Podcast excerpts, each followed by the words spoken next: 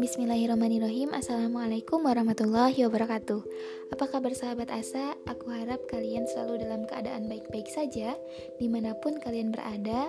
Dan aku harap kalian selalu bisa menjaga kesehatan Baik fisik maupun mental. Apalagi kita masih berada di tengah-tengah masa pandemi nih Nah, di kesempatan kali ini aku mau sedikit sharing tentang gimana sih cara untuk meningkatkan self-love Sebelumnya, bagi kalian yang belum tahu self love itu apa, self love itu artinya mencintai diri sendiri atau dapat juga diartikan sebagai penerimaan terhadap keseluruhan dari diri kita sebagai manusia, mencakup segala bentuk kelebihan dan kekurangan yang ada. Bagi kalian yang masih bingung, kenapa kita harus mencintai diri kita sendiri? Jawabannya karena self love adalah kunci dari bersyukur dan awal dari bentuk penerimaan diri, respect terhadap diri sendiri, percaya diri, dan yang nantinya kita akan terbiasa untuk memaafkan kesalahan dan kekurangan yang kita miliki ataupun yang orang lain perbuat terhadap kita. Langsung aja nih kita ke intinya. Tips yang pertama, Make a personal polish atau buat aturan terhadap diri sendiri. Aturannya itu kayak gimana sih? Kita bisa buat list tentang kegiatan-kegiatan yang kita lakukan di setiap harinya, lalu kita tanya ke diri kita, kenapa kita melakukan hal tersebut dan apa efeknya untuk diri kita di masa yang akan datang. Dari situ tuh kita bisa tahu bahwa beberapa hal yang mungkin kita kerap lakukan mempunyai efek yang negatif ataupun tidak berefek apa pun bagi masa depan kita. Atau sebagai contoh lain, kita bisa mengcutting down our friends jika kita merasa bahwa dia memberikan efek yang negatif bagi diri kita. Bukan bermaksud untuk memutus tali silaturahim, tapi kita berhak untuk membatasi circle yang kita miliki dan kita juga berhak untuk bahagia. Contoh lainnya, kita harus memberi waktu untuk sekadar me time sekedar merapihkan isi handphone dengan melihat postingan-postingan Instagram, komentar-komentar positif yang ada di postingan kita. Lalu, kita juga bisa menghapus aplikasi yang sudah tidak terpakai. Tapi ingat ya, pas kalian scroll-scroll Instagram, jangan pernah membandingkan diri kalian dengan orang lain. Karena pada hakikatnya, setiap individu itu sama, tapi dilahirkan dengan bentuk dan kemampuan, struggle, kecepatannya masing-masing. Jadi, untuk mencapai sebuah kesuksesan, kecantikan, ataupun kebahagiaan, Allah sudah mengaturnya dengan baik dan dengan adil. Jadi, stop untuk membandingkan diri kita dengan orang lain. Tips yang kedua, buat list tentang kelebihan dan kekurangan yang kita miliki. Untuk mengetahuinya, biasanya kita bisa tanya ke orang-orang terdekat kita jika kita tidak tahu nih apa sih kelebihan yang aku miliki.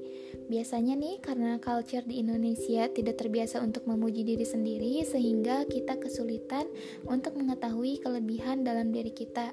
Kita bisa tanya ke orang tua, ke teman, ke sahabat, ke saudara tentang apa aja kelebihan dan mungkin kekurangan yang tidak kita sadari dari situ bisa menjadikan bisa dijadikan trade off dari diri kita. Kalau kita mempunyai kelebihan kita bisa mengoptimalkannya dengan baik.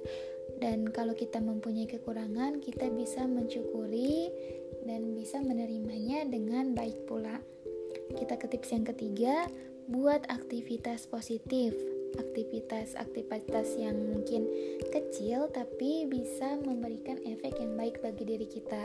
Contohnya, kita bisa membuat gratitude journal yang berisi tentang eh, hal-hal uh, yang terjadi di keseharian kita kayak hal-hal kecil yang mungkin uh, kita nggak pernah sadari bahwa itu merupakan nikmat dan e, karunia dari Allah yang Allah berikan setiap hari kepada kita kayak nikmat kita bisa bernafas, mendapatkan uh, fasilitas yang baik, bisa makan, bisa tidur dengan baik. Itu merupakan hal-hal kecil yang perlu kita syukuri. Dan terkadang kita lupa akan hal dan nikmat yang telah Allah berikan kepada kita. Kita ke tips yang keempat, melakukan self care banyak hal yang bisa dilakukan untuk melakukan self care kayak bagi perempuan-perempuan nih bagi kalian yang suka dress up make up uh, skincarean itu merupakan hal-hal positif yang mungkin uh, bisa membuat kalian bahagia. Jadi lakukanlah uh, walaupun mungkin kalian gak ke mana-mana ya di masa-masa lockdown ini tapi jika itu membuat kalian lebih baik lakuin aja terakhir dan satu hal dari aku just be yourself because you're beautiful if you feel grateful. Dan lakukanlah hal-hal yang kalian rasa membuat kalian menjadi luar biasa. Wah, gak kerasa nih, udah hampir 6 menit aku ngomong panjang lebar dan aku yakin kita bisa menjadi pribadi yang lebih baik, pribadi yang bisa lebih bersyukur atas nikmat Allah, maka lakukanlah 4 set step yang udah aku jelasin tadi.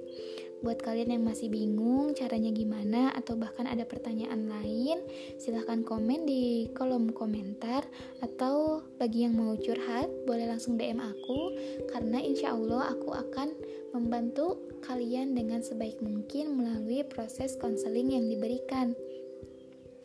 Terakhir, wassalamualaikum warahmatullahi wabarakatuh.